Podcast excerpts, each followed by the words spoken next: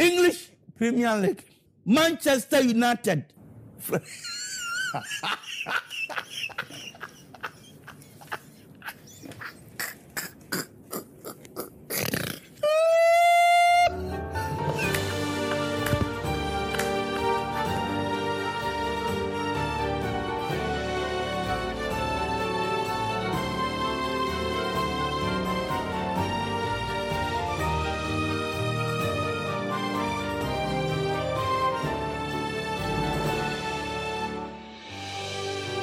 Då hälsar vi alla lyssnare samt min poddkompanjon Fabian Jalkemo varmt välkomna till Big Five.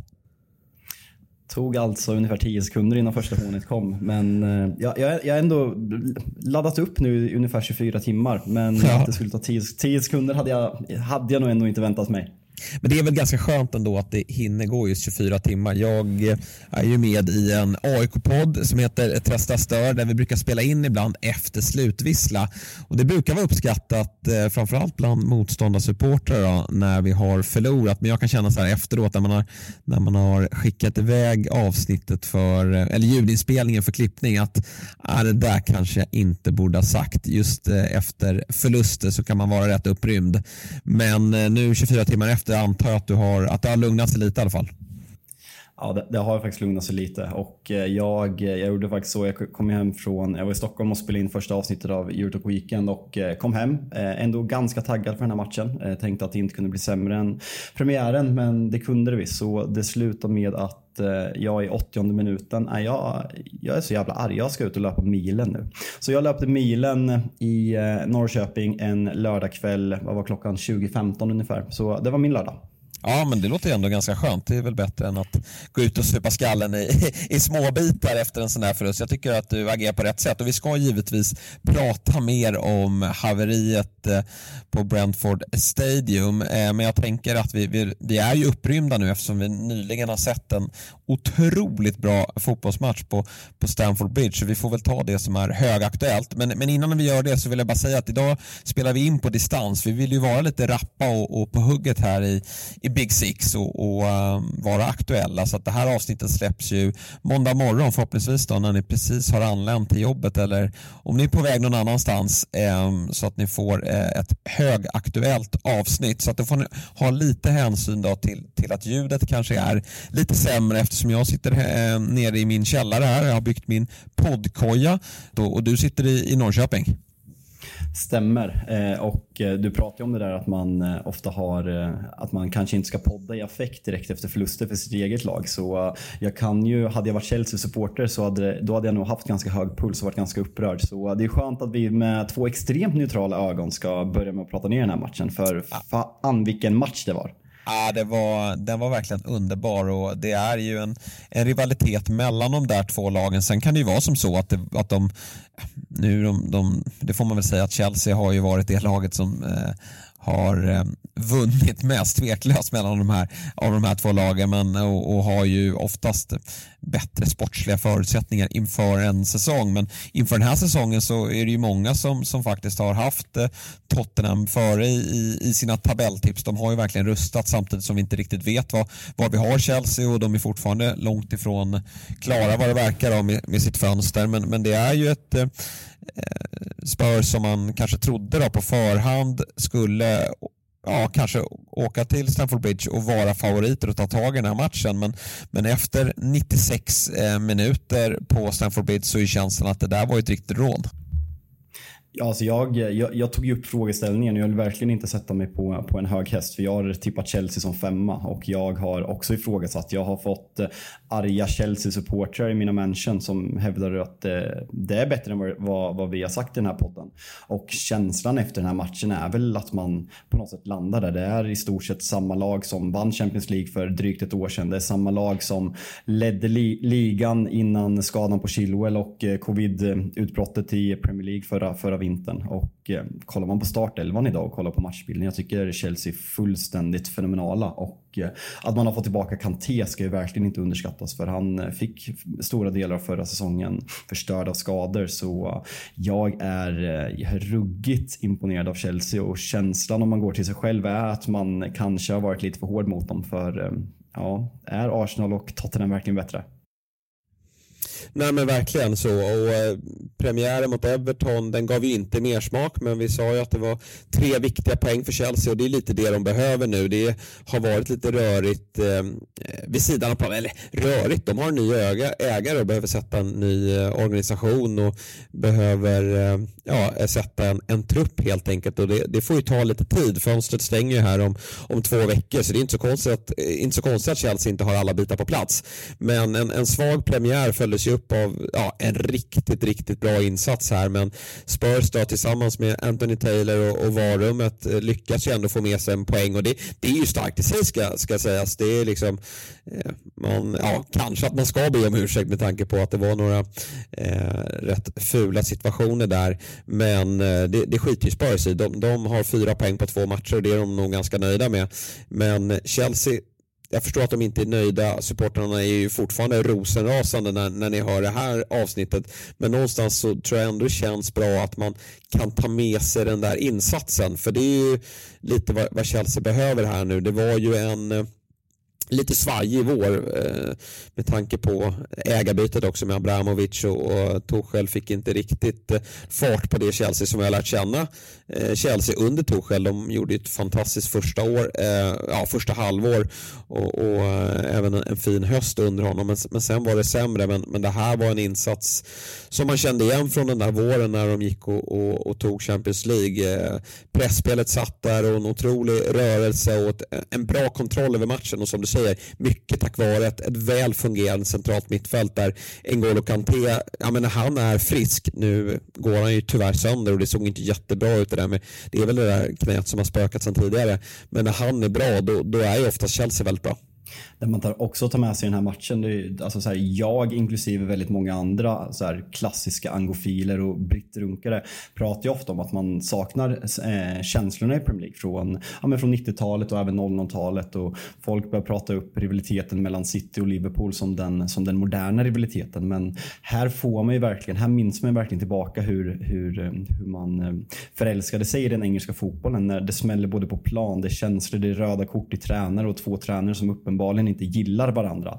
Jag eh, jag tar med mig så jävla mycket från den här matchen. Jag, jag typ fortfarande, jag tror jag, det var nog över 100 puls och den är inte nere på vilopulsen trots att man har suttit och eh, lyssnat på efter matchen intervjuer med Thomas Tuchel. Så uh, vi, vi ska komma till, till själva matchen i sig och även situationerna som, som gör, gjorde att det blev upprört. Men fan vad man älskar de här känslorna och fan vad man älskar. Jag, jag eh, är väl inte Antonio Contes eh, största fan och det har väl mycket att göra att han har haft liknande sådana där situationer mot mitt Manchester United men eh, fan vad man, vad man föredrar sådana här karaktärer över platta personligheter i ligan ändå.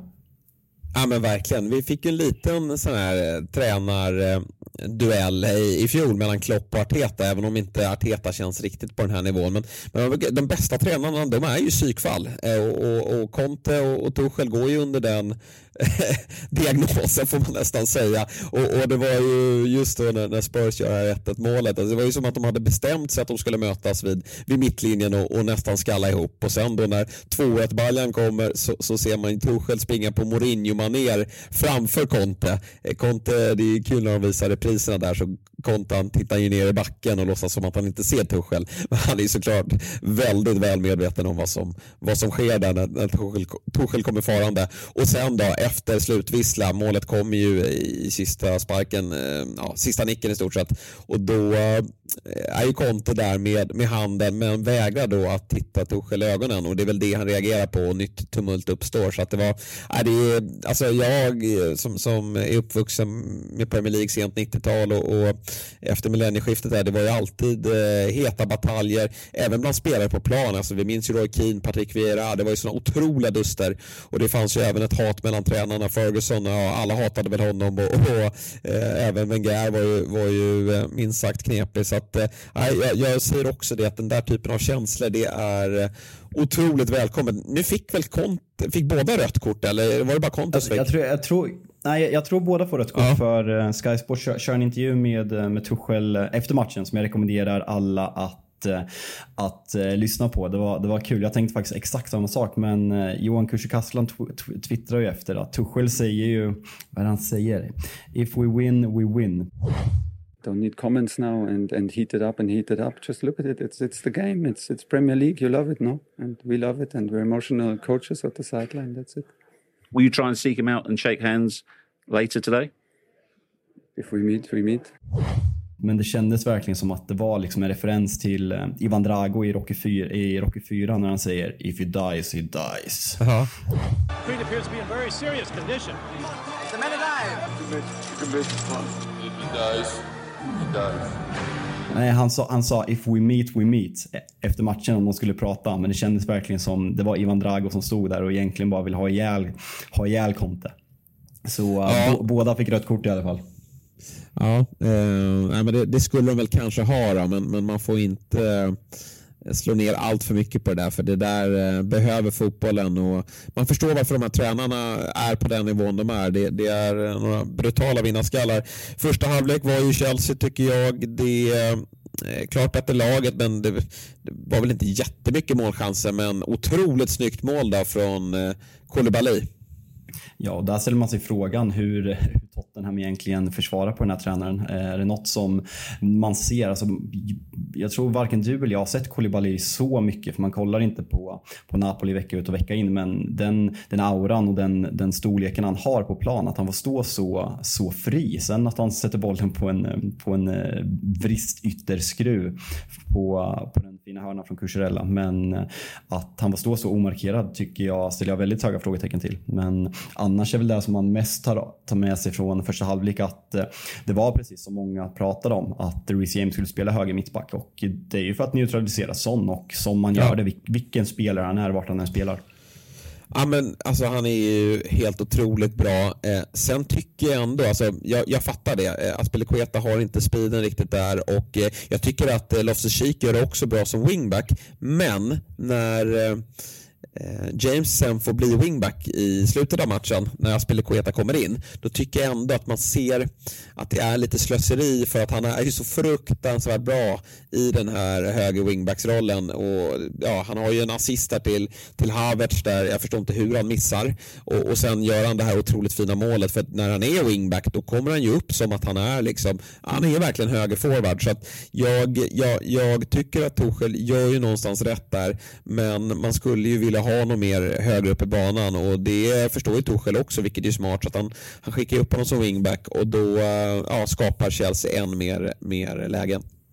Det är häftigt med de här, båda de här tränarna som spelar den här 3 5 backen att, eh, att man verkligen känner att Eh, Tottenham har Kane och Son eh, och Dejan utöver det och Richarlison men Chelsea har ju inte de här naturliga målskyttarna. Och förra året, eller de senaste två åren egentligen, så har det varit väldigt låga eh, antal mål för deras bästa spelare. Och eh, som, du är inne på med Reece James, då är det vitalt att ha de här wingbacksen. Chilwell under tiden han spelade förra året och även Alonso till vissa delar har, har gjort fantastiskt med poäng och likaså Reece James. Så det blir ännu mer viktigt, även om Loftus-Cheek gör det bra idag. Eh, det är ju den eviga talangen som det snackas om av alla Chelsea-supportrar som jag, eh, och jag vet du också, aldrig direkt har sett storheten i. Men eh, de, de, de måste, Reece James ska spela där för eh, nej, det är, vilken spelare han är. Eh, och jag landar mer och mer att man, alltså så här, jag ska inte gå att jämföra Trent Alexander-Arnold med Reece James för det, det är två helt fenomenala spelare och jag håller nog dem som ett och två i världen. Eh, men tar man en komplett försvarare som både har offensiven och defensiven så uh, lutar jag nog idag att jag håller Reece James högre. Ja, men man kan ju någonstans förstå Southgate då när han väljer mellan de här. Kanske att han håller eh, James eh, något högre just för att han, han är ju bättre i defensiven. Sen är jag ju otroligt förtjust. Det är ju verkligen en smaksak och man ska nog bara njuta av, av båda två. Det är otroligt bra spelare men ja, han visar verkligen sin eh, storhet där. Och Loftus-Cheek, ja, han, han hålls väl kanske lite väl högt av, av egna supportrar. Jag skulle säga så här, han är nog underskattad av oss andra. Eh, men han är överskattad bland de egna. Det är väl en ganska bra summering på, på Loftus-Cheek. Verkligen. Och känslan med honom var ju att han var den första som kom upp innan Lampard tog fram den här fina generationen med Tomori, Tammy Abraham, Reece James, eh, Mason Mount och, eh, och Gallagher. Så det var väl att Chelsea inte hade haft någon egen som kom upp i A-laget som jag tror gör att många håller honom väldigt högt, vilket man på något sätt får förståelse för. Men samtidigt måste man trycka ner det när de såklart har fel i det här läget. Ja, absolut. absolut. Och Sen eh, måste man ju säga att han har förmodligen äntligen kanske prickat rätt då i, i sin fronttrio. För jag tycker att Sterling, Havertz och Mount det är ju en trio, nu kommer han ju förmodligen att rotera en del, men, men i fjol så sökte han ju efter, med, med ljus och lykta efter den perfekta trion och tanken var ju att Lukaku såklart skulle vara en del av det, men när han var så misslyckad då, då, då jagade han runt och testade alla möjliga olika kombinationer, men det blev inte riktigt bra. Men jag tycker att den här trion visar ju hur eh, ja, men alla har ju sån otrolig spelförståelse och eh, fin rörelse, vilket gör att det är väldigt svårt att eh, eh försvara sig mot dem. Ja, och eh, det kändes ju verkligen som att Lukaku skulle bli den som gjorde Champions League-mästarna till det kompletta laget. Men man landade ju någonstans i, jag tycker fortfarande än idag att eh, Chelsea ofta även förra säsongen gör sina bästa matcher med Timo Werner på planen för att han var så vital i, i pressspelet och han gjorde egentligen allt bra förutom att göra mål. Sen eh, de fortsätter, vi ska komma in lite på silly season sen vad som har hänt och vad det ryktas om men ryktet om Aubameyang från Barcelona försvinner ju inte och känslan är att Tuchel verkligen vill ha honom för det är lite, lite eh, smalt i bredden eh, på, på de där positionerna eftersom man har sålt Lukaku och, eh, och Werner. Så Aubameyang som han väl jobbade med i, i Dortmund skulle kännas ja. som ett väldigt bra kortsiktigt alternativ. Ja, man undrar lite varför det där ryktet har eh, kommit upp och det är ju trovärdigt. Eh, Romano eh, twittrar ju flitigt om det där och det verkar som att det blir av. Det pratas väl om 25 miljoner eh, euro där va? Eh, och det, det, lyckas väl Chelsea lösa. Man undrar så här, men är inte han färdig i Premier League? Börjar inte han bli färdig eh, som fotbollsspelare?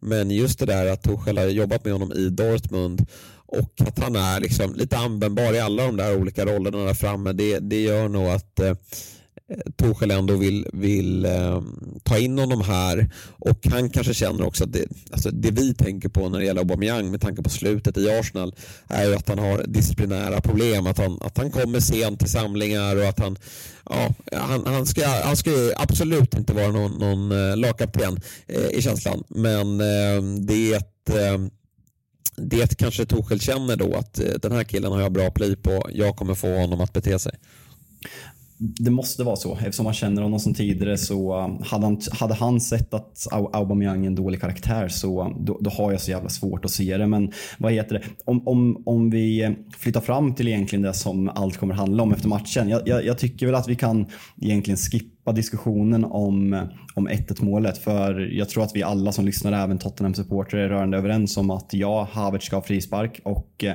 jag tycker personligen att det är såklart att målet ska dömas bort för offside.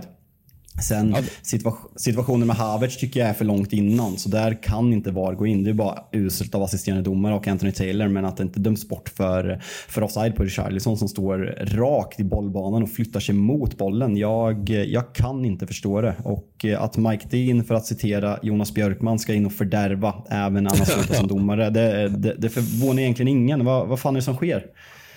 Men det är ju som jag tycker Bojan säger bra där. Han, han rabblar upp en hel del där Bojan. Han är väldigt upprörd efter matchen. Han fick till och med sig Ljungberg. Ljungberg har ju inte visat sådär mycket känslor någonsin i sin karriär. Eh, så, som han gjorde här efter, efter matchen. Han var ju helt eh, galen i att Kuchereya eh, fick sitt hår eh, avslutet från, från Romero. Då. Men eh, han säger det ju bra att vi, vi har satsat otroligt mycket på ett verktyg här eh, i form av VAR och så uh, har man inte, de som sitter där har inte koll på, på regelboken. Jag tycker att uh, Richarlisons offside, den är ju nej men alltså, den är solklar. Det är klart att han täcker Mondy i kassen där.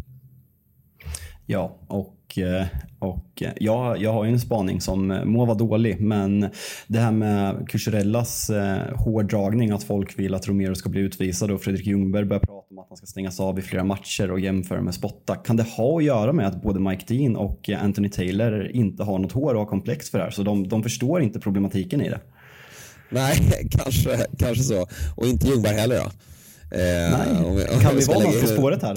ja, kanske. kanske. Men, eh, ja, nej, men det är väl klart att det där inte ska bli en till hörna. Det får vi väl ändå säga. Sen om det ska vara gult eller rött kort där på Romero. Nej, men det ska väl vara rött va? Alltså, Alltså jag vet, alltså så här, jo det kanske ska vara, men folk som raljerar över att det är solklaraste röda kortet någonsin, det, det, köper jag väl inte. Problemet är ju att bollen är i spel när, när, när han gör det, så det, Anthony Taylor ska ju se det, dela ut ett gul, andra gult kort, vilket gör honom utvisad, va? Eh, och alltså en frispark till Chelsea och sen så kommer inte kvitteringen ske. Så jag, alltså så här, jag ser ingen problematik i att han inte får direkt rött men det är väl mer hela situationen att det blir andra målet som gör att, eh, nej fan vad upprörd jag hade varit som Chelsea-supporter. Jag eh, hade, nej, mörkt. Men är det inte Anthony Taylor också som de har på sin, högst upp på sin hatlista över domare?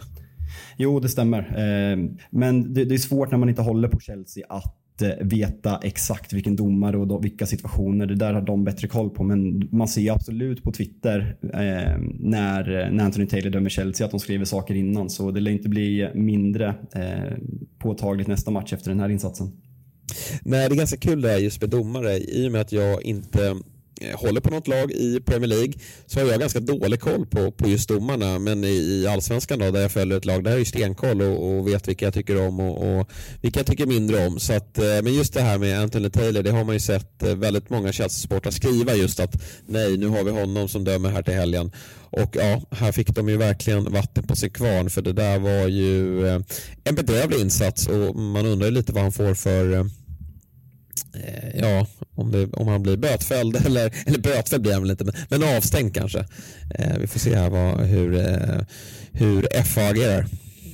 Ja, men något sånt. Och eh, känslan är väl att när, när, det har varit så här och det skrivs så mycket om det att efter den här insatsen också att det förmodligen kommer dröja ganska lång tid innan han dömer. Sen om man jämför med allsvenskan så brukar Premier League vara ganska snabba med att sätta in dem igen. Det är väl, det är väl några, några exempel domare som inte får döma vissa lag efter vissa aktioner. Jag kommer ihåg, eh, jag tror fan att det är Mark Lattenberg som eh, när Tony Hibbert drar ner en Liverpool-spelare och han har det gula kortet i handen. Steve Gerrard eh, springer fram och snackar med honom sätter ner det gula, tar upp det röda. Jag tror inte Klattenberg dömde Everton på flera år efter det där för att det var så fientlig stämning efter det Merseyside-derbyt där.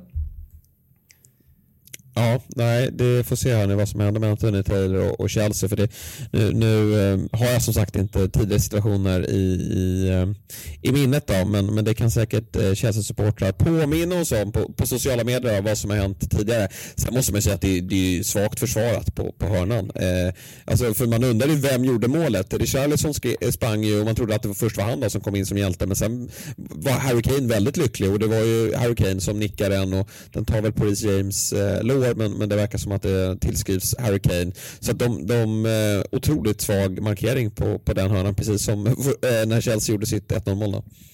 Det är tre spelare som egentligen i Tottenham som kan vara först på den och det är ju liksom, leder man i 95 minuten så går man över, man ska gå över lik i varje fast situation men leder man ett derby i 95 minuten så ska man göra det ännu mer. Så nej, det är ett eh, det är väldigt svagt försvarsspel av, av Chelsea. Sen tycker jag, du är inne på Richarlison där och jag tycker att Eh, han ska hyllas för sitt, eh, för sitt inhopp. Jag tycker han kommer in med väldigt fin, eh, fin energi. Jag tycker Conte ska hyllas att, man, att han vågar gå över till ett mer 4-4-2 och behålla eh, Dejan när han tar ut Richarlison naturligt. naturlig, hade såklart varit, varit att tagit ut Dejan. Men att mer gå ner på en fyrbackslinje och få in lite mer energi och tyngd där uppe tycker jag att eh, Tottenham, alltså Chelsea för, för, förtjänar ju att vinna. Men Per som gästade oss i piloten var inne på att det är mer en breddvärmning och jag tycker man ser när man kan sätta in Bissouma, Richarlison och Perisic i en sån här match, vilken, eh, vilken bredd det finns i Tottenham och att man kan, eh, man kan förändra en matchbild på bänken, vilket, vilket kommer vara väldigt viktigt i år.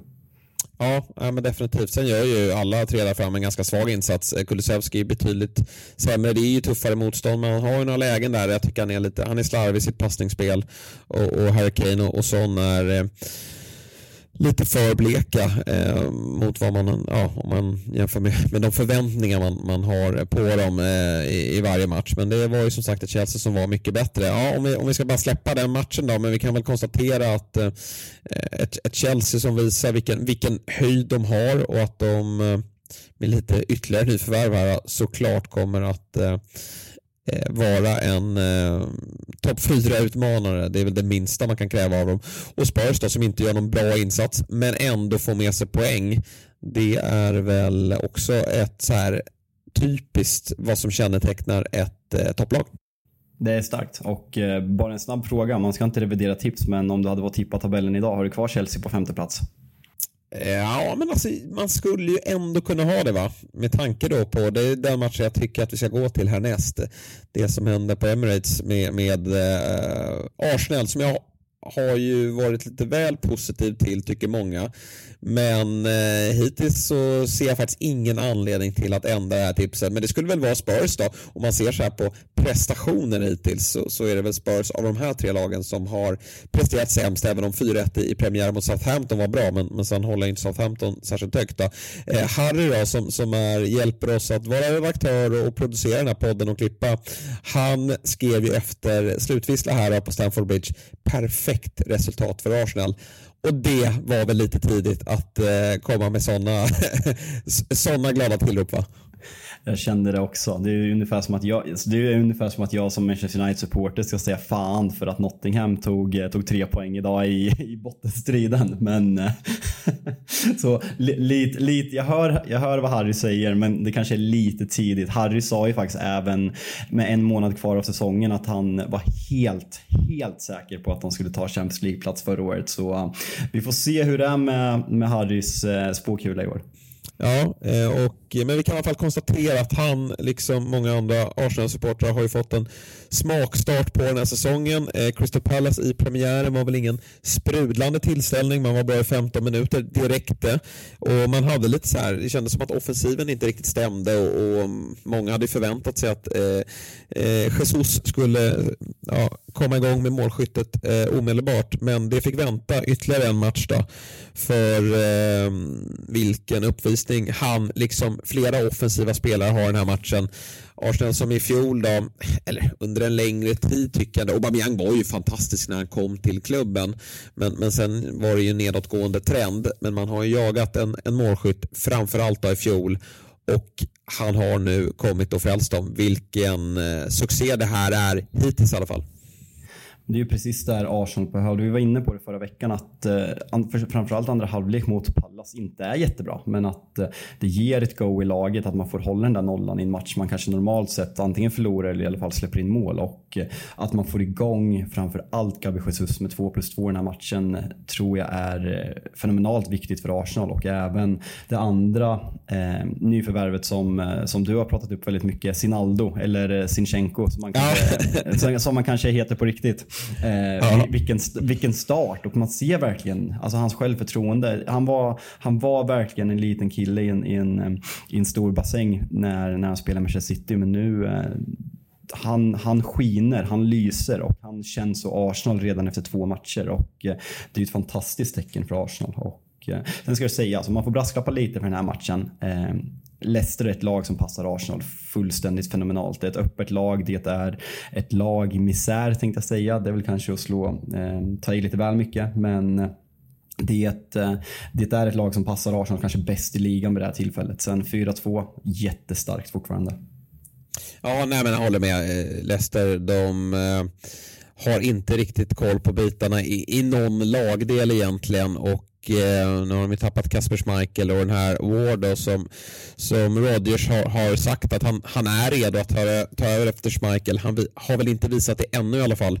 Får vi se då. De värvade väl in någon målvakt här men, men var väl eh, framförallt tänkt att, att vara någon, någon backup då utan det är Ward de ska satsa på. Sen får han inte jättemycket hjälp eh, framför sig heller då med, med en, eh, en tämligen, tämligen för, eh, svag försvarslinje då.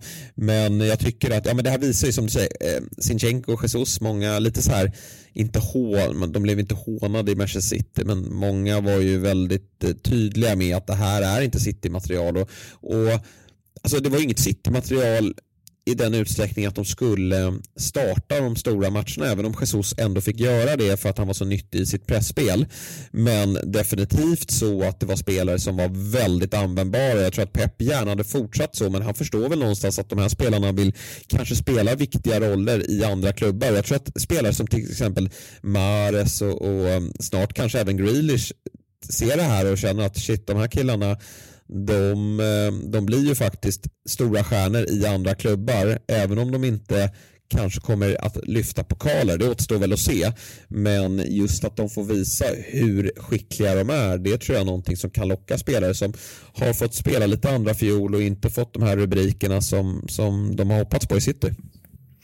Sen är det så svårt det där för alltså, kollar man Chelsea har ju den egentligen fenomenala bredden som, vi får se Sterling eh, om det blir samma där att han blir eh, en jättestor stjärna och nummer ett i Chelsea. Men annars känns det som att att eh, alltså Liverpool, de är ju så bra. De har sina stjärnor. Sen är det inte så många lag kvar. Det är Tottenham, Kane, Sons. Då, då är det Pizzia United som inte ens tillhör Big Six eftersom vi har bytt namn till, eh, till Big, Big Five. Så kommer bli att eh, många har kallat Arsenal Citys farmarlag för att de tar, de har tagit Nasri, de har tagit Adebayor, de, de har tagit massa spelare och folk börjar redan prata om att Saka i framtiden kommer gå till City. Men City tar ju det här på allvar nu och säljer spelare, sina, sina dåliga spelare till, till Arsenal också. Så det kanske ett tvåvägssamarbete det börjar utkristallisera sig till.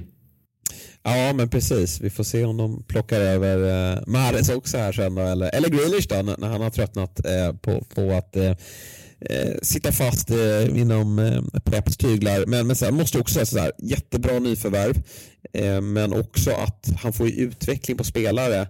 Jag kommer ihåg att jag sa inför förra säsongen att nu ska det bli spännande att se om eh, Bukayo Saka kan ta ytterligare kliv och kliva upp och bli en toppspelare i Premier League. Det gjorde han samtidigt då som man kände under, under vårsäsongen med Arsenal att Martinelli nästa år, han är riktigt bra, eller han börjar se väldigt spännande ut eh, den här säsongen, men kan han då under eh, den säsongen vi befinner oss i nu ta ytterligare kliv, ja, men då, då har ju Arsenal ytterligare en toppspelare och det tycker jag att här i de inledande matcherna ser ut som att Martinelli har fortsatt med sin utveckling och visar ju att det där är en, eh, ja, men en riktigt, riktigt fin spelare. Folk pratar ju om eh, Emil Smith Rowe som the next big thing. Att han skulle ta den där tia positionen och var ju given förra säsongen i eh, inledningsvis. Gjorde även mycket mål. Men Martinelli har verkligen tagit den här platsen till sin. Och eh, Martin Ödegård kände man väl lite när han var inlånad att Ja, alltså det är en värvning för att sluta fyra, kanske mest femma. Men bättre än så är det inte. Det kändes verkligen som en Arsenal-värvning om ni, om ni förstår vad jag menar. Men även där, vilken utväxling. Och den här fronttrion och även bredden man börjar få. Även på anfallet, Gabriel Jesus där. Du har Enketia som, som visar att han håller i Premier League i, eh, i slutet av förra säsongen. Och sen har du Smith Rowe, du har även han, Nicolas Pepe ska vi inte, jo han kan man fan glömma. För det, det är bara djupt va? Ja, det tycker jag. Det tycker jag. Där är det bara upp. Nej men alltså de har, de har en bredd och de har... Det känns som ett eh, väl fungerande lag där de har fått bort sina virus i eh, Arteta som ja, men har gått jävligt hårt och visat att här är jag som bestämmer. Han, man terminatade Aubameyangs kontrakt. Man gjorde samma sak med Viljan. Man gjorde samma sak med Özil. Eh, och Eh, det börjar ge frukt nu. Eh, så jag eh, brukar absolut håna Arsenal-supportrar för att man har hybris, men jag köper verkligen hybrisen nu och det, det ser ljust ut. Framtiden ser ljus ut för Arsenal och att man har haft tålamod med Arteta tror jag att man ska tacka väldigt mycket för jag, jag tycker han gör ett väldigt bra jobb. Ja, nej men det gör han ju. Han har ju fått ordning på det här. Jag tycker att det är som så här det, det största tecknet på att en klubb är välmående och det kommer vi ju att komma till din kära klubb lite senare varför de inte är välmående. Men det är ju när man ser utveckling på spelare och, och det tycker jag, det var ju under många år där Arsenal inte tog in massa spelare och så kom de dit och, och stagnerade. Man lyckades inte med nyförvärven och, ni, det, och alla säger man men oh, vilken usel spelare, han, han håller inte nivån. Men, men då ska man veta att det har gjorts ett gediget scoutingarbete men när de kommer till klubben så, så har de inte, ja, de får inte helt enkelt förutsättningarna eh, för att det, det är något som är ruttet inom väggarna som leder till att de inte utvecklas på rätt sätt. Då. Så att eh, just nu är Arsenal välmående och då ser man ju att spelare som Saliba då, som har varit på på utlån kommer tillbaka och växer, fram, växer sig fram till en riktigt bra mittback. Vi har ju Ramsdale som, som eh, är en, en bra målvakt och, och även Ben White som, som börjar göra sig, ja men den där prislappen som alla kritiserade den, den känns allt mer rimlig då. Så att eh, det är en välmående klubb. Sen är ju, har ju spelschemat varit enkelt hittills, eller enkelt, jag tycker inte Crystal Palace på bortaplan är en enkel match. Men, men Leicester hemma som du säger i, i, i deras eh, eh, nuvarande form, den, det, det kanske är en, en munsbit. Men det kommer ju fortsätta att vara ganska så lätta matcher här nu eh, och det, det är ju jättefin start för Arsenal. Kan de fortsätta ta tre poängare här nu så, så är det ju en otroligt fin känsla för dem när de då kommer kliva in och möta bättre lag och det är väl då man helt och hållet då får se om, om Arsenal är på allvar. Men, men just nu är känslan att de, de, de bör ju vara med hela vägen in och, och slåss om eh, topp fyra. Och känslan om, om man pratar Arsenal nu, det, det ska även sägas, vi pratar om att Le- Leicester passar Arsenal. Leicester, det känns som att man är i sämre skick, men kollar man startelvan i helgens match, det är, det är ett fantastiskt fotbollslag som mycket väl skulle kunna sluta topp 6 i Premier League. Och vi pratar om att Arsenal kan kan utmana om Champions League och eh, känslan där är väl att förra året så kunde de också utmana Champions League men det var för att eh, det var bara tre bra fungerande lag i, eh, i engelska ligan. Arsenal började med tre raka förluster, var utskrattade egentligen hela säsongen. Spurs sparkade tränare innan man fick in Conte och Manchester United var Manchester United. Så att att utmana om topp fyra i år är en, verkligen en helt annan sak än förra året. För att konkurrensen är så mycket högre med, med framförallt Chelsea och Tottenham som, som har fått ett år till och som har fått, Conte har fått ett år till, Arteta har fått ett fönster och fått in bra värvningar. Så eh, det eh, Även om man kommer sluta på samma positioner plus minus en än förra säsongen så har ju laget verkligen kommit långt och visat det redan efter två omgångar. Till lyssnare av podcasten Big Six så har vi nu ett erbjudande borta på dobb.tv att ni får fri tittning och lyssning på samtliga program genom att skriva in koden Big Six, B-I-G-S-I-X med små bokstäver så får ni möjligheten att Eh, ja, se mer av mig i vårt fantasy-tv-program. Vi har ju även vårt allsvenska magasin 352 och så det omåttligt populära eh, Eurotalk som går igenom alla toppligorna. Så ta del av den här möjligheten genom att gå in på dobb.tv och skriva in eh, rabattkoden BIG6 så får ni två veckor gratis borta på Dobb.tv positivt i eh, Gunners alltså. Eh, Bournemouth väntar härnäst. Och de kommer väl, jag ska inte säga att de kommer med stukat eh, självförtroende. Jag tror att den där förlusten, jag tror inte ens de var ledsna i, i, i bussfärden hem från eh, Etihad. Eh, 4-0 alltså till Manchester City. Och Eh, jag såg en tweet där från eh, Robin Bylund, Liverpool, Liverpool-supporter, lite bittert konstaterade då att ja, men, eh, det är liksom inte ens, lagen orkar knappt anstränga sig när de möter den här, när de möter City. De vet att de blir fullständigt pulveriserade och snarare går för att vila spelare än att de ja, försöker att, att streta emot jag kan väl hålla med till viss del att, att eh, det är ju den där, när liksom åka till Etihad, det är väl inte som så att man känner i spelartunneln att idag händer det. Samtidigt tror jag att ju längre den här säsongen lider, med tanke på att City har en, en, en ganska så tunn trupp och med tanke på att vi också har sett att City ibland ja, men historiskt sett har gått på minor. Det var väl dubbelmötet mot svaga Southampton i fjol som man kryssade och ibland kan det dyka upp en helt oförklarlig oförklarligt poängtapp mot, mot eh, märkligt motstånd och, och, och framförallt då den här säsongen där, där det kommer vara så tätt. Jag är inte lika övertygad om att eh, City kommer ha den här typen av eh, enkla matcher framöver, eller vad känner du? Nej, men det är det som är grejen med City att när de får in de här, ja, men nu tog det ändå, vad tog den, 25-30 minuter tills man får ettan.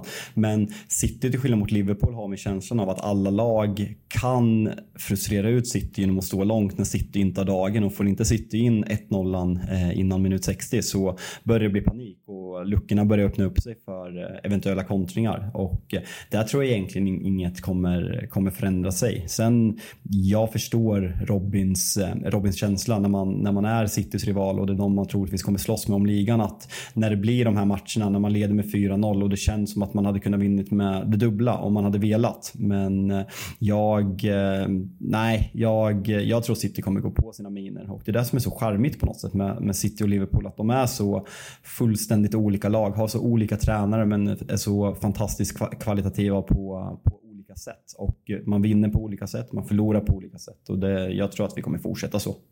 Ja, och sen är det så här, nu är vi i ett skede av säsongen där det går Eh, en vecka mellan matcherna. Sen är det ju Champions League i veckorna och då som vi varit inne på, Petter var tydlig med, det är ju den här bredden och tittar man då på bänken eh, så är det ju, ja men alltså det är ju fyra seniorspelare där, sen är det ju fyra juniorer, det är ju namn som man, eh, ja jag som inte är lika inbiten som, som Petter där, nickar till på och undrar vilka det är. Sen är de ju säkert fantastiskt bra, men det är klart att får man lite skador och, och det inte finns möjlighet att byta in spelare som Bernardo och Grealish, ja men då, då är det inte säkert att när man jagar en, en ett ledningsmål hemma mot eh, eh Fulham, eh, eller ja, vi tar ett bättre lag, Crystal Palace, det är inte säkert att man, man får hål på motståndarna. Så att, eh, eh, lite längre fram under säsongen så tror jag att eh, det, det, kommer att dyka upp minor. Sen är det såklart att det är, det är redan lite uppgivet hos Liverpool. Man ser eh, City börja här med, med 6-0 på två matcher samtidigt som man stod för ett onödigt poängtapp då, eh, mot, mot Fulham. Men om vi pratar eh, Citys eh, juniorer på bänken, vad har vi på Rico, Rico Lewis, Luke Mbete Tabu och Josh Wilson Esbrand? Nej, men jag har inte suttit och, och kikat Y-scout hela helgen för att ta reda mer på uh, mer info kring de här spelarna. Men uh, jag antar att sitter man där, uh, då, då har man någonstans gått igenom Peps granskning och man är förmodligen jäkligt skicklig. Men eh, det är en sak att vara skicklig och, och ha framtiden för sig eh, till att eh, liksom vinna matcher åt ett, ett, ett topplag. Så att det, det, blir, det blir jättespännande att se här nu om City inte tar in, nu har de väl tagit in någon ny vänsterback här va? Gomes. Ja, det på, ja exakt. Eh, från Anderlecht är väl inte presenterad men förväntas bli officiellt och det snackas väl något om att han ska få chansen och eh, är han inte tillräckligt bra så kommer han låna ut, lånas ut till, till en samarbetsklubb. Men man behöver ju bredden där. Man har sålt Sinchenko eh, men Dy får inte spela fotboll för han sitter väl i något brittiskt häkte och lär väl inte komma ut därifrån med tanke på vad han anklagas för. Eh, och och eh, ser man skadelistan så vad jag ser, det, det, jag kan missa någon, men eh, så är det ju bara Calvin Phillips och eh, Laporte som inte är med i truppen den här matchen. Så det är inte, det, jag trodde aldrig jag skulle säga det, men Citys trupp känns inte bred. Och du var inne på vad Petter sa förra veckan. Han, han pratade, vi pratade ju även om Bernardo Silvas vara eller icke vara och Petter var ju ganska övertygad om att han kommer stanna en sekund för han kommer inte bråka sig bort och City vägrar släppa nu för att han inte han han, ja, men man, att man inte kommer hitta en ersättare. Men det Instagram-inlägget han lägger upp efter matchen när han verkligen tackar fansen, han dröjde sig kvar länge, tackade, gav bort sin tröja. Det börjar mer och mer kännas Barcelona över Bernardo Silva. Ja, och just att han startat två matcher på bänken här också, det tyder också någonstans på att ja, det är den här elvan jag, jag satsar på. Sen byter han ju runt lite på kanterna där. Men Gündogan som fick lagkaptensbindeln här nu också. Två starter på honom, Bernardo hoppar in. Det är också, ja, men jag tycker att det, det är ett tecken på att det, det håller på att ske någonting och det är ju ett otroligt tapp för klubben. Eh, Silva, han blir inte lätt att ersätta. Jag vet inte vem man, som är en realistisk ersättare. Sen kan ju som sagt Pep hittar någon i, i Segunda kanske som man tror på på sikt. Men, men här och nu så finns det ingen Bernardo Silva-ersättare vad, vad jag känner.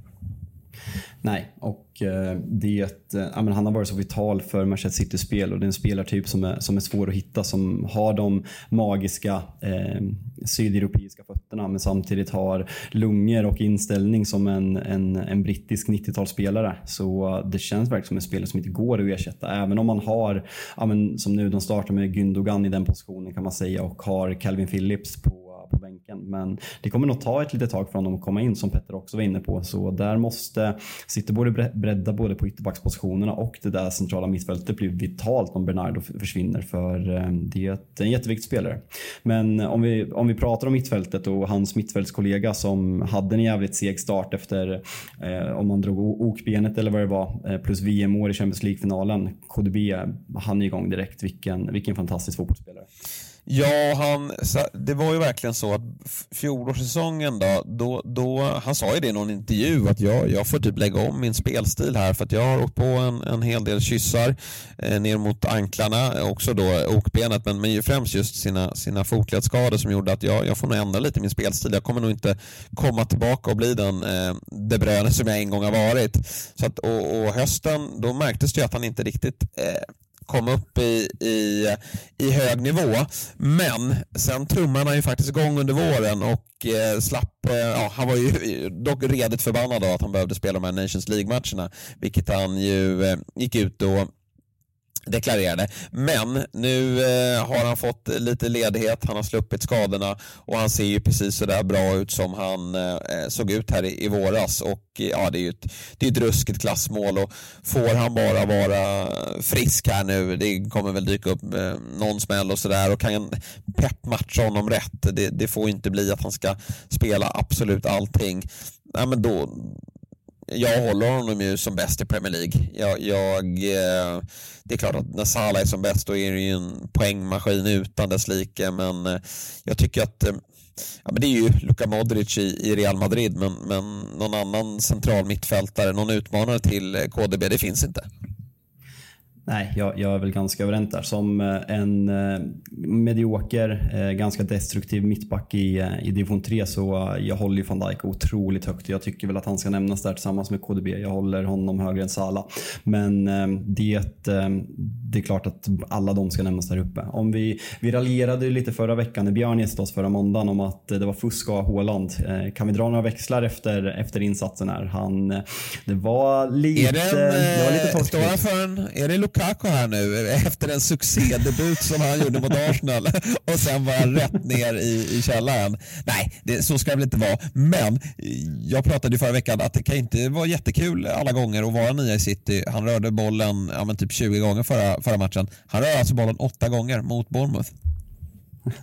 åtta gånger? Det, det, det är statistik på det?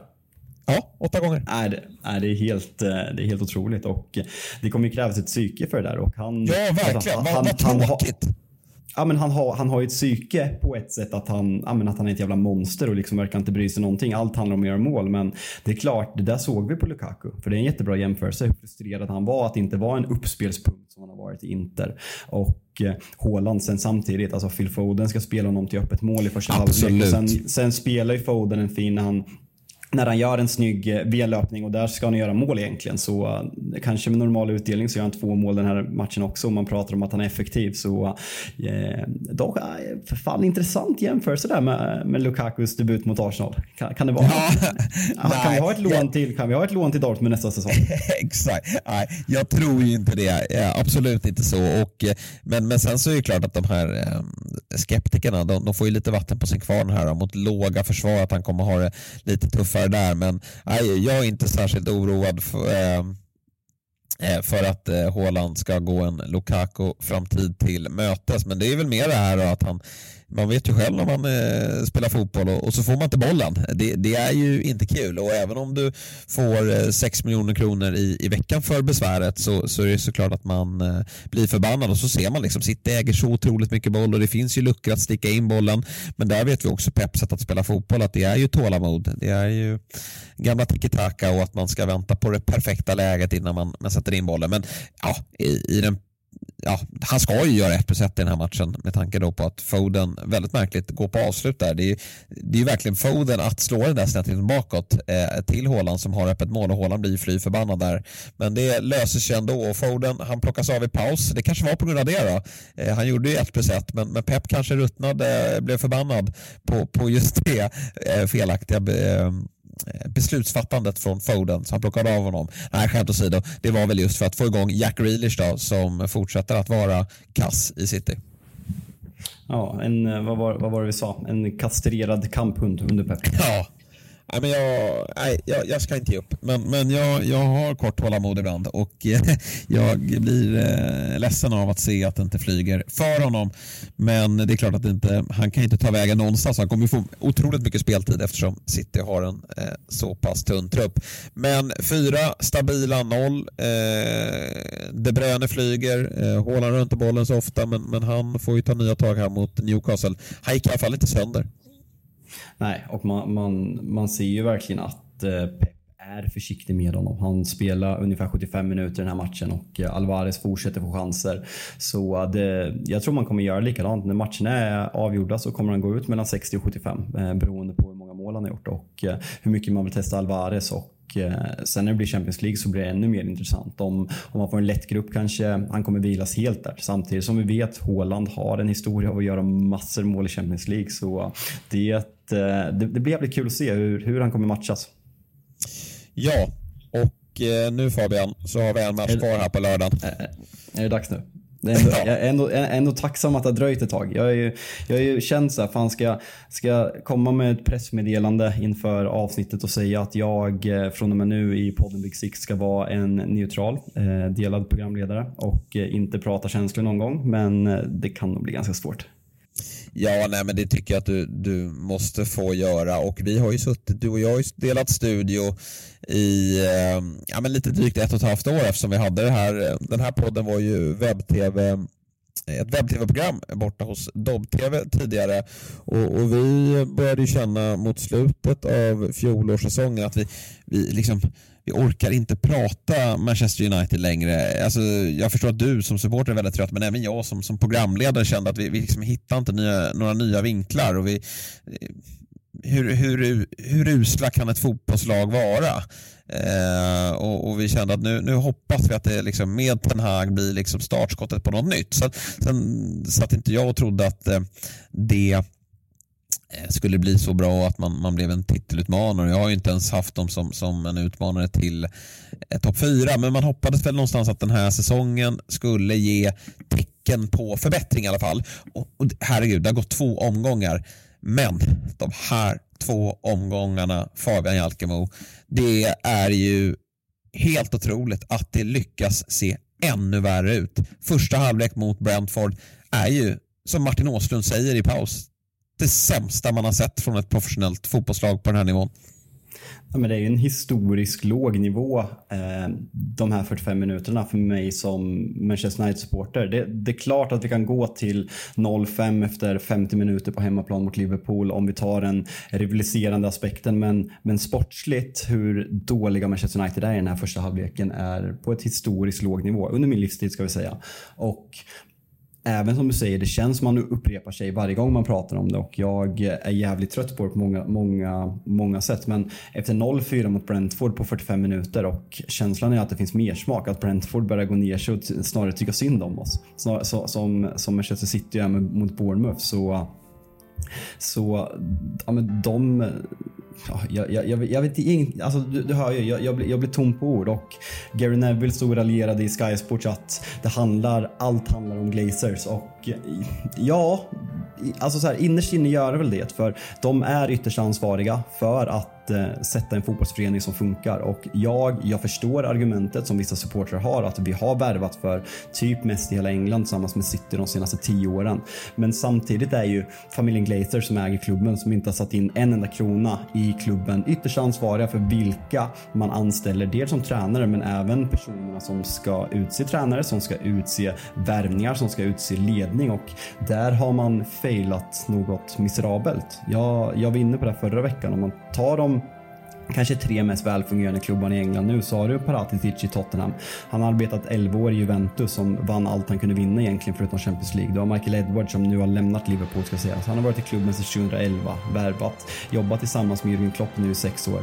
Och sen har du eh, Chicky som lämnade världens bästa lag Barcelona 2010, eh, jobbade med Pep där, går till City, tar in Pep och jobbar tillsammans. Medan Manchester United har ekonomer i de här, eh, i, i de här positionerna Eh, och det är Glazer som ut, utnämner dem. Eh, när Glazer stod över hade vi världens mest moderna arena. Nu, det läcker. Målarfärgen försvinner. Medan Tottenham har ja, men en träningsstadium av, av, av rang och kanske världens mest moderna arena. Så jag, jag, jag, vet inte vad jag ska säga längre. Spelarna ska självklart ha sitt för det är ett patetiskt jävla gäng fotbollsspelare där. Jag fick, jag fick frågan i, i veckan om, om jag ville ha en Manchester United-tröja, vilken spelare jag ville ha. Jag gick in och kollade på, på truppen på hemsidan och eh, nej, men jag, jag, jag, jag, tycker inte om en enda spelare. Jag, eh, jag börjar känna... Det är all rubbish. Det, det är härligt det där. Det har du sett. Du har säkert sett det vevas på, på sociala medier, det här klippet med den här lilla pojken som, som får frågan vilket lag han håller på, Manchester United och vem som är favoritspelaren. They are all rubbish. Jag tycker det var, det var rätt. Det är charmigt. Manchester United. And who's, who's your favourite player? None of them. They're all rubbish. Ja, det är jättecharmigt och man, man ler ju på något sätt. Man kan relatera. Men det, det är så kul när en, när en, när en typ tio, tio, tioåring säger det på en seriös fråga när det ska vara ja, lite Och, de vill, och de, de vill att han ska svara Marcus Rashford. Men, men alltså så här, min, min, om, vi, om vi bara leker med tanken. Alltså så här, ni, ni har ändå lite samma hår. Eh, fin komplimang till dig nu. Men eh, vi säger att du sitter i Barcelona. Du satt på Barcelonas bänk igår, hoppade in i andra halvlek. Du heter Frenkie de Jong. Du kollar på den här matchen i efterhand. Vad, vad känner du? Blir du sugen på att komma till Manchester? Nej, men det går ju absolut inte när du är på, på den nivån som Frenkie de Jong är utan det, det, ehm, nej, det, det är ju att eh, riskera sin, sin fotbollskarriär. För det ska man ju också veta det är väldigt svårt sen att komma därifrån. Och, och eh, det är möjligt att man som fotbollsspelare också blir lite sådär, ja men jag sitter på en väldigt bra, bra lön här och, men jag har inget självförtroende, jag tvivlar på mig själv också som, som fotbollsspelare. Så att eh, nej, det, det, och det är, det är ju problemet nu för United, det är ju att man, och det har vi märkt, att man, man man får ju leta på allt lägre hyllor. Nu fick man ju en av världens eh, bästa genom tiderna, eh, Cristiano Ronaldo, men det, ja, det, det, det beslutet i sig går ju verkligen att ifrågasätta varför det blev så. Men, men det får man nästan ha ett specialavsnitt till. Men eh, i övrigt så är det ju eh, spelare från eh, ja, som håller betydligt lägre nivå som, som United kan värva in. Och när vi tittar på de hyllorna, ja, men då är det ju väldigt viktigt att man är att man som klubb mår bra och att man kan utveckla spelare. Och det ser vi ju direkt här nu när man drar på sig en röd eller en spygrön eh, Manchester United-tröja. Då blir man ju skit omedelbart och det är ju det, som sagt det, det, ett, ett, tydligt tecken på att klubben eh, inom alla områden är extremt eh, illa däran. Men det är så signifikativt för den här insatsen att vi har kanske Premier Leagues historias eh, gräsligaste och gräsliga är fan en bra, eh, ett bra ord för dem för de ser ut som gräs. Eh, det där kittet. Ja, men det, det, det är så. Men, men, du är inne på, du, pratar, du pratar lite om Pogba där och jag har väl inte jättemycket gott att säga om Paul Pogba för jag tycker att han kunde ha betett sig på bra mycket bättre sätt. Men samtidigt om vi, om vi pratar Frenkie de Jong så är väl han, eh, han kanske inte har samma varumärke som Pogba kom när han värvades till Manchester United men när Pogba ser tillbaka på sin karriär så äh, gick han till Manchester United som en av världens bästa fotbollsspelare med ett av världens största varumärken och äh, jag tror att när han är i Turin nu känner att han har slösat bort sex, sex år i Manchester vilket äh, jag är tämligen övertygad om att Frenkie de Jongs största argument för att inte gå till Manchester United är varför ska han gå till ett dysfunktionellt projekt som det är ett virus genom, genom allt i hela klubben och eventuellt riskera hela hans karriär för det är en fantastisk fotbollsspelare. Men det som är skönt för, för Ten Hag här det är väl att han någonstans eh, ändå kan jobba relativt ostört här framöver tror jag ändå. För eh, ja, alla som eh, följer Manchester United vet ju att problemen sitter högre upp och man har ju provat att sparka tränare på löpande band och det har kommit in betydligt större namn än, än Ten Hag och även betydligt eh, mindre namn också för den delen, men som inte har lyckats med klubben. Men jag, jag tror att United kan ju eh, ja, men de skämmer ut sig fullständigt här om de eh, sparkar sin tränare om, om United skulle fortsätta sin, sin kräftgång här utan det, det, måste ju ske något högre upp i klubben innan man, man gör det. Men för den sakens skull, herregud, jag tycker ändå att eh, såklart att det vilar ett, ett litet ansvar på, på Ten Hag här för alltså att, att spelarna kliver ut och är så Eh, bortkopplade och står för sådana grova eh, individuella misstag. Ja, men det är liksom, första 35-40 minuterna är som sagt bland det värsta man har skådat från ett fotbollslag. Ja, men det är väl klart att man som huvudtränare har ett ansvar i det.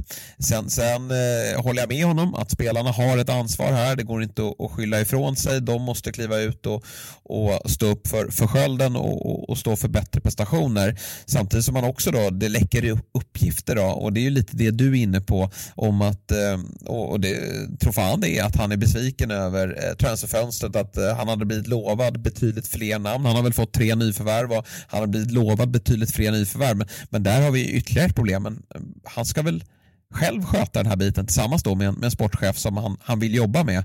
Men nu man, fortsätter man ju på inslagen väg här i United och, och sätta dit en tränare som får jobba med de spelarna som, som klubben vill ta in.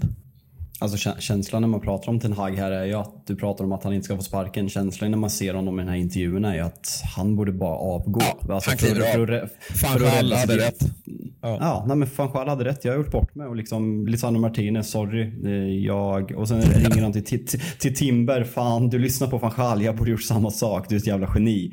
Ja. Eh, det, man, man börjar verkligen känna det och det Eh, Eh, om, om man ska prata framtid så väntar jag alltså, eh, jag vinner på den där 05 mot Liverpool på Old Trafford förra säsongen och eh, Liverpool väntar ju alltså eh, om, eh, på måndag om en vecka i omgång tre när Manchester United står på, på noll poäng. Och eh, skulle jag få betta? Jag, eh, jag säger att det är 50-50 att den här matchen spelas för eh, det är ju en supportergrupp, eller en supportergrupp, en, en grupp med individer som kallar sig 1958 som eh, började eh, arrangera väldigt organiserade protester förra, förra säsongen och de är väldigt tydliga med att det ska vara fredliga protester men vi vet senast hur det gick mot Liverpool folk tog sig in på arenan under coviden och eh, Megastore vart, eh, vart avstängt och stängdes ner eh, under matchen mot Brighton och känslan efter 0-4 mot, eh, mot Brentford är att det kan bli eh, riktigt, riktigt stökigt utanför Old Trafford eh, på måndag om en vecka och eh, frågan är om den här matchen ens kommer spelas.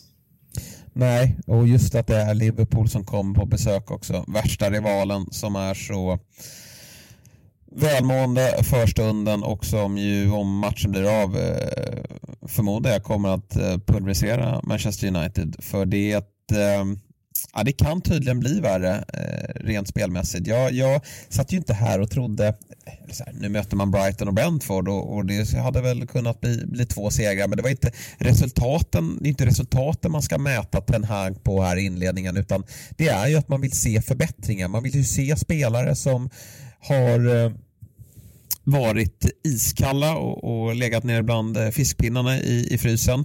Eh, jag tänker på, på Jadon Sancho, jag tänker på eh, Marcus Rashford givetvis och jag tänker på ja, i stort sett hela laget. Eh, man, man hade hoppats på att de... Luke Shaw, Luke Shaw inga fiskpinnar ska vi dock säga. Han är en jävla kalkon som ligger långt ner där inne i frysen. Ja, nej, men alltså, det finns ju massa olika exempel på, på Eh, på, på hur kalla eh, olika spelare är i Manchester United. Men jag hade velat se dem liksom få, fått, att de har fått självförtroende under den här sommaren och har en tränare som, som eh, de tror på. Sen kanske det hade blivit några poängtapp ändå. Men eh, det har ju faktiskt bara blivit värre och, och eh, årets bästa spelare i fjol var väl eh, de Gea va? Och det han sysslar med här första eh, 20 minuterna det, det eh, är det ju historiskt uselt. Ja, och det, sen ska han hyllas efteråt för att han aktivt ber om att få bli intervjuad efter ja, matchen för att, för, för, för, att, för att stå upp där. Men jo, men man är så jävla trött på det. Man är så jävla trött på att, på att de gör dåliga... Har Rashford skrivit någon, eh, något eh, inlägg ännu? Han skrev, något väldigt, han skrev något väldigt kryptiskt efter, efter första matchen. Det, det gick inte ens tyda. Det såg ut som typ så här, de, de, så här, några budord på någon, på någon historisk griffeltavla eller någonting och sen okay. bad han om ursäkt. Jag, nej, jag, jag, jag fattar ingenting. Så vi, vi får helt enkelt se vad som sker. Sen är det ju, sen är det ju komiskt att Dean Henderson som tillhör Manchester United men är utlånad där är bäst på plan och räddar straff ja. i, i Nottingham West Ham. Och det har varit en snygg övergång va? Ja, vi får väl släppa Manchester United. Vi kommer ju komma tillbaka till dem och vi kommer att raljera och vi kommer undra hur, hur, eh, hur det ändå kunde bli värre. Men eh, vi hoppas väl i alla fall att eh, den här matchen mot Liverpool, eller du kanske inte gör det, men jag hoppas i alla fall att måndagsmatchen nästa vecka blir av och att det sker, protesterna sker på ett fredligt sätt. Då, men jag förstår ju såklart all frustration hos United-supportrarna. Men vi får väl ta den matchen då som avslutning. Vi lovar ju alltid att komma med en liten the rest jag, må, jag, måste ju bara, jag måste ju absolut säga att jag eh, hoppas ju absolut inte att den här matchen spelas. Nej, jag förstår det. Den blir väl perfekt att eh, lägga någonstans i, ja, innan VM där för dig. Ja, eller efter, när vi, när vi är tillbaka. Exakt. Trä, tredje tränaren för säsongen. Då är, vi, då är vi tillbaka. Ja, och ingen har ju varit iväg på VM heller från, från Manchester United. Eh, så det blir väl kanon. Men du, eh, Cristiano Ronaldo då? Eh, alltså, hans någon form av frustration eh, som han visar upp där eh, poserande va? Ja, det är känslan. Sen tror jag att han är väldigt, väldigt frustrerad. Dels att han vill lämna, sen att vi ja. är så jävla dåliga. Det, det är ju på något sätt Alltså så här, jag, ja, man kan problematisera Ronaldo och allting men jag hyser ju en väldig kärlek från honom och alltid, alltid gjort det. Som, som spelare, det är min tonårsidol.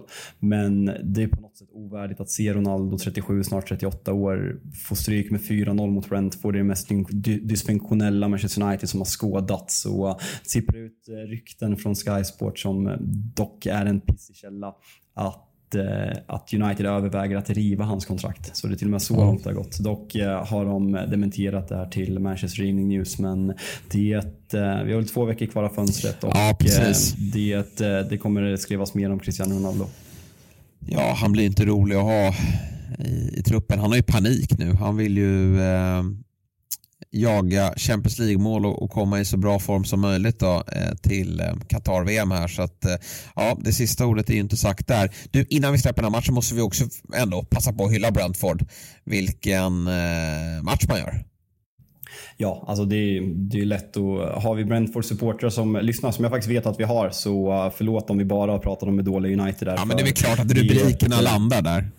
Ja, det, det blir ju kring på något sätt med tanke på, med tanke på intresset som finns kring Manchester United. Men man, vi pratar ju om att Graham Potter taktiskt utmanövrerade Manchester United och Erik Den Hag. Men Thomas Frank gör ju exakt samma sak och satsar ännu mer på, på på omställningarna och man, eh, man siktar ut Lisandro Martinez på, på höjdbollar för att utnyttja hans bristande fysik och eh, man gör nej men, fenomenala kompletta 45 minuter och eh, jag, jag nämnde ju i torsdags att jag ser dem som en kandidat att åka ut så vi, vi får väl skjuta upp den och jag får ta tillbaka den för tillfället i alla fall. Ja, eh, väldigt fin start på dem. Jag tycker man, eh, ja, men man varierar sitt spel. Man, man eh, är bra på omställningarna men man sätter ju även pressen högt. Och, ja, Christian Eriksen han, han gjorde väl fyra assist i, i våras va? och nu är han uppe i fem assist för Brentford eh, med tanke på, på, på framspelningen här. Men eh, all cred till, till eh, Ponne och gubbarna just, alltså, på fasta situationer. Det såg ju löjligt ut eh, när, när de skickar fram sina fyrtorn och, och så den här stackars då Martinez som Eh, ja, han hade inte så mycket att hämta där.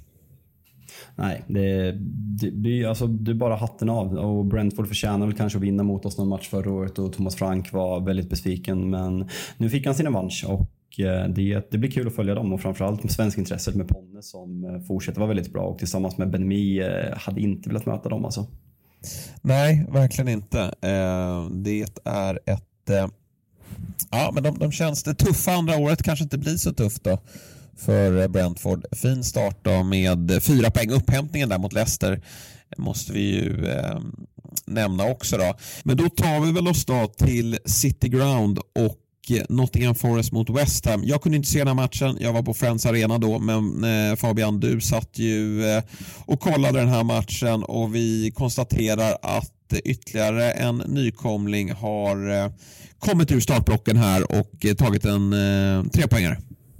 Ja, en viktig sådan också. De eh, blev ju ganska kritiserade efter premiären där man eh, absolut överlägset är den, den nykomling som, som har värvat mest och med nyförvärven som både är klara och ryktas in nu så kommer man ju alltså gå över 100 miljoner pund vilket, eh, ja, om man jämför med Fulham och Bournemouth så märker man ju vilket lag som, som satsar. Men man såg verkligen, det är 23 år sedan fotboll, fotboll spelades i, i Nottingham och eh, man är så jävla svag för de här för man ser hur mycket det betyder för fansen. Och och om, eh, om Chelsea-Tottenham är en fantastisk match så var det här en fantastisk eh, uppladdning. Det var, det var chanser åt båda hållen, det var inne ribber på frisparkar, det var bortdömda mål, det var missade straffar och nej, den, den hade verkligen allting om vi för att, för att vara Nottingham West Ham.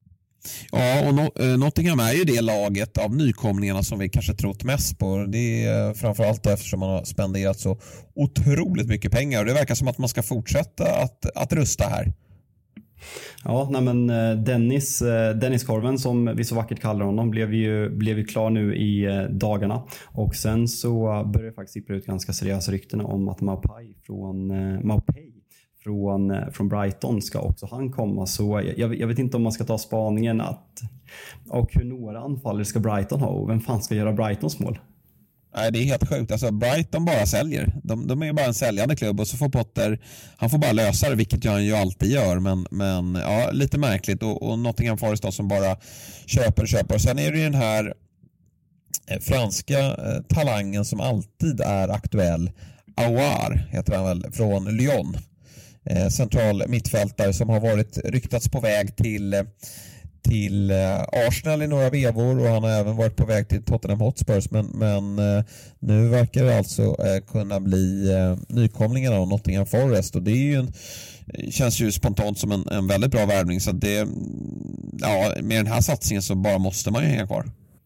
Är det nu jag ska ljuga igen och säga att jag har sett honom jättemycket och analysera hur han kommer vara för, för Nottinghams presspel eller ska jag, ska jag bara säga att jag har ingen koll på honom?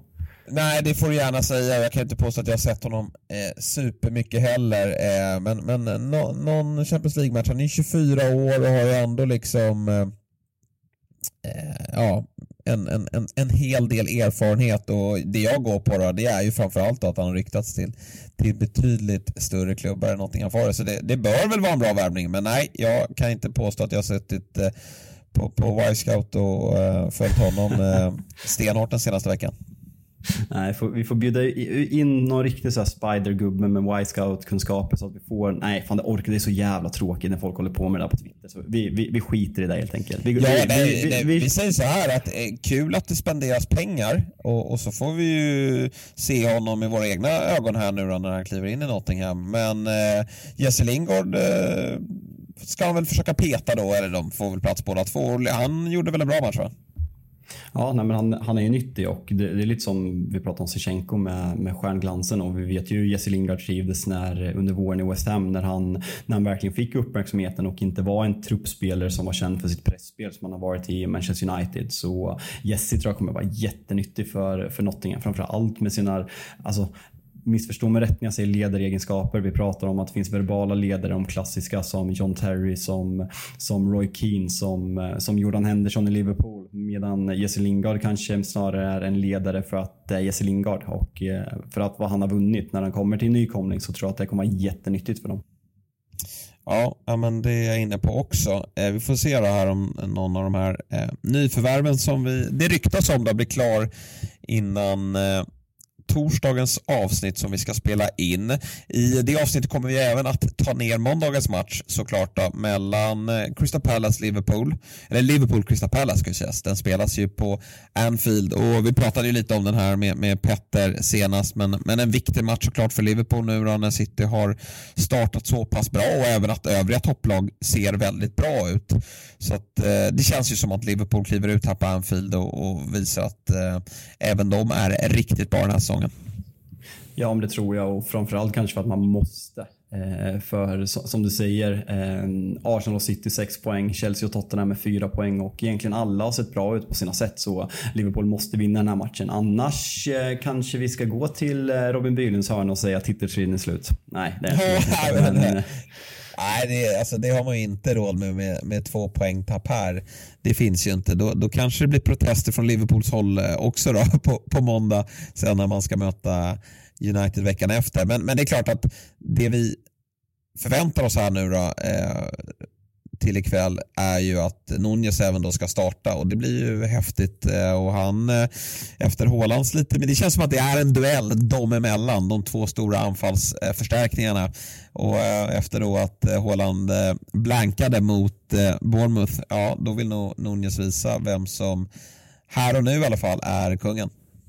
Och det ska också bli kul att se. Eh, vi, vi spekulerar väldigt mycket om att Harvey Elliot kommer ta Thiagos eh, plats där och göra den till sin under hans eh, sex veckor borta. Så att att han kommer in i det bra och visar att han är den spelare som han var innan benbrottet. För han har varit lite sämre, ska sägas. Så det blir intressant att se. Sen Matip ryktas vara out, men där har man fantastisk backning i både Konati och Joe så det, det, ska inte spela någon roll. Men som du säger, framförallt Nunez, att Eh, att, få se honom spela 90 minuter efter två jättebra inhopp. Var han 2 plus 1 på knappt två halvtimmar mot, eh, mot City och, eh, och Fulham. Så se honom tillsammans med Salah i 90 minuter ser man ändå fram emot.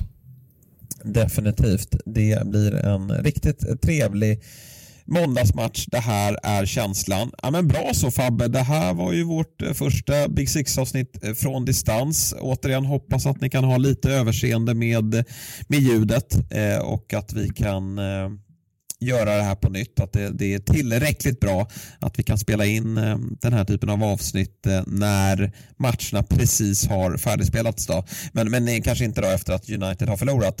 Eh, har du något mer att tillägga innan vi avslutar? Alltså jag tror att det skulle kunna bli ganska bra content. Eh, med lite känslor, lite mer spårat, lite mer kommer kränka lite mer människor och kanske, kanske få en anmälan på mig. Så vi, vi får testa någon gång. Eh, vi, kanske ja. kan, vi kanske ska köra nästa måndag. ja, precis. Vi, vi, ska vi, eh, om tittarna tycker det är okej okay, så kanske vi, om det nu blir någon match då, eh, så kanske vi spelar in på slutvissla då. Eh, det blir ett sent avsnitt, den är väl klar 11 där, men det, det får vi ju den, det, det, får vi helt enkelt eh, ta oss, vi får ta oss den tiden med tanke på vilket fantastiskt avsnitt det kan tänkas bli. Ja, och eh, frågan om jag är sadistiskt lagd mot mig själv och sen så eh, får vi ringa, ringa upp Bylund också om han, om han är på efter om han har slagit oss med 5-0. Så det kan, eh, kan ju föra känslor på riktigt. Så det, det kan väl ändå vara något att satsa på kanske. Ja, men vi, vi siktar in oss på det. Eh, men första matchen spelas då som sagt. Och eh, innan dess så kommer vi att höras på nytt då, eh, eftersom vi spelar in ett avsnitt på torsdag. Då kommer vi även att bjuda in en gäst. Vem det blir, det får ni se på torsdag helt enkelt eftersom vi inte har det klart, eller hur? Nej, exakt. Så vi, vi ska ut och reka marknaden och vi har börjat jävligt starkt med Per, Björn och, och Petter. Så pressen är väldigt, väldigt stor. Ja, vi säger så för idag. Tack eh, till dig eh, Fabbe och eh, tack till er som har lyssnat. Vi hörs på torsdag igen.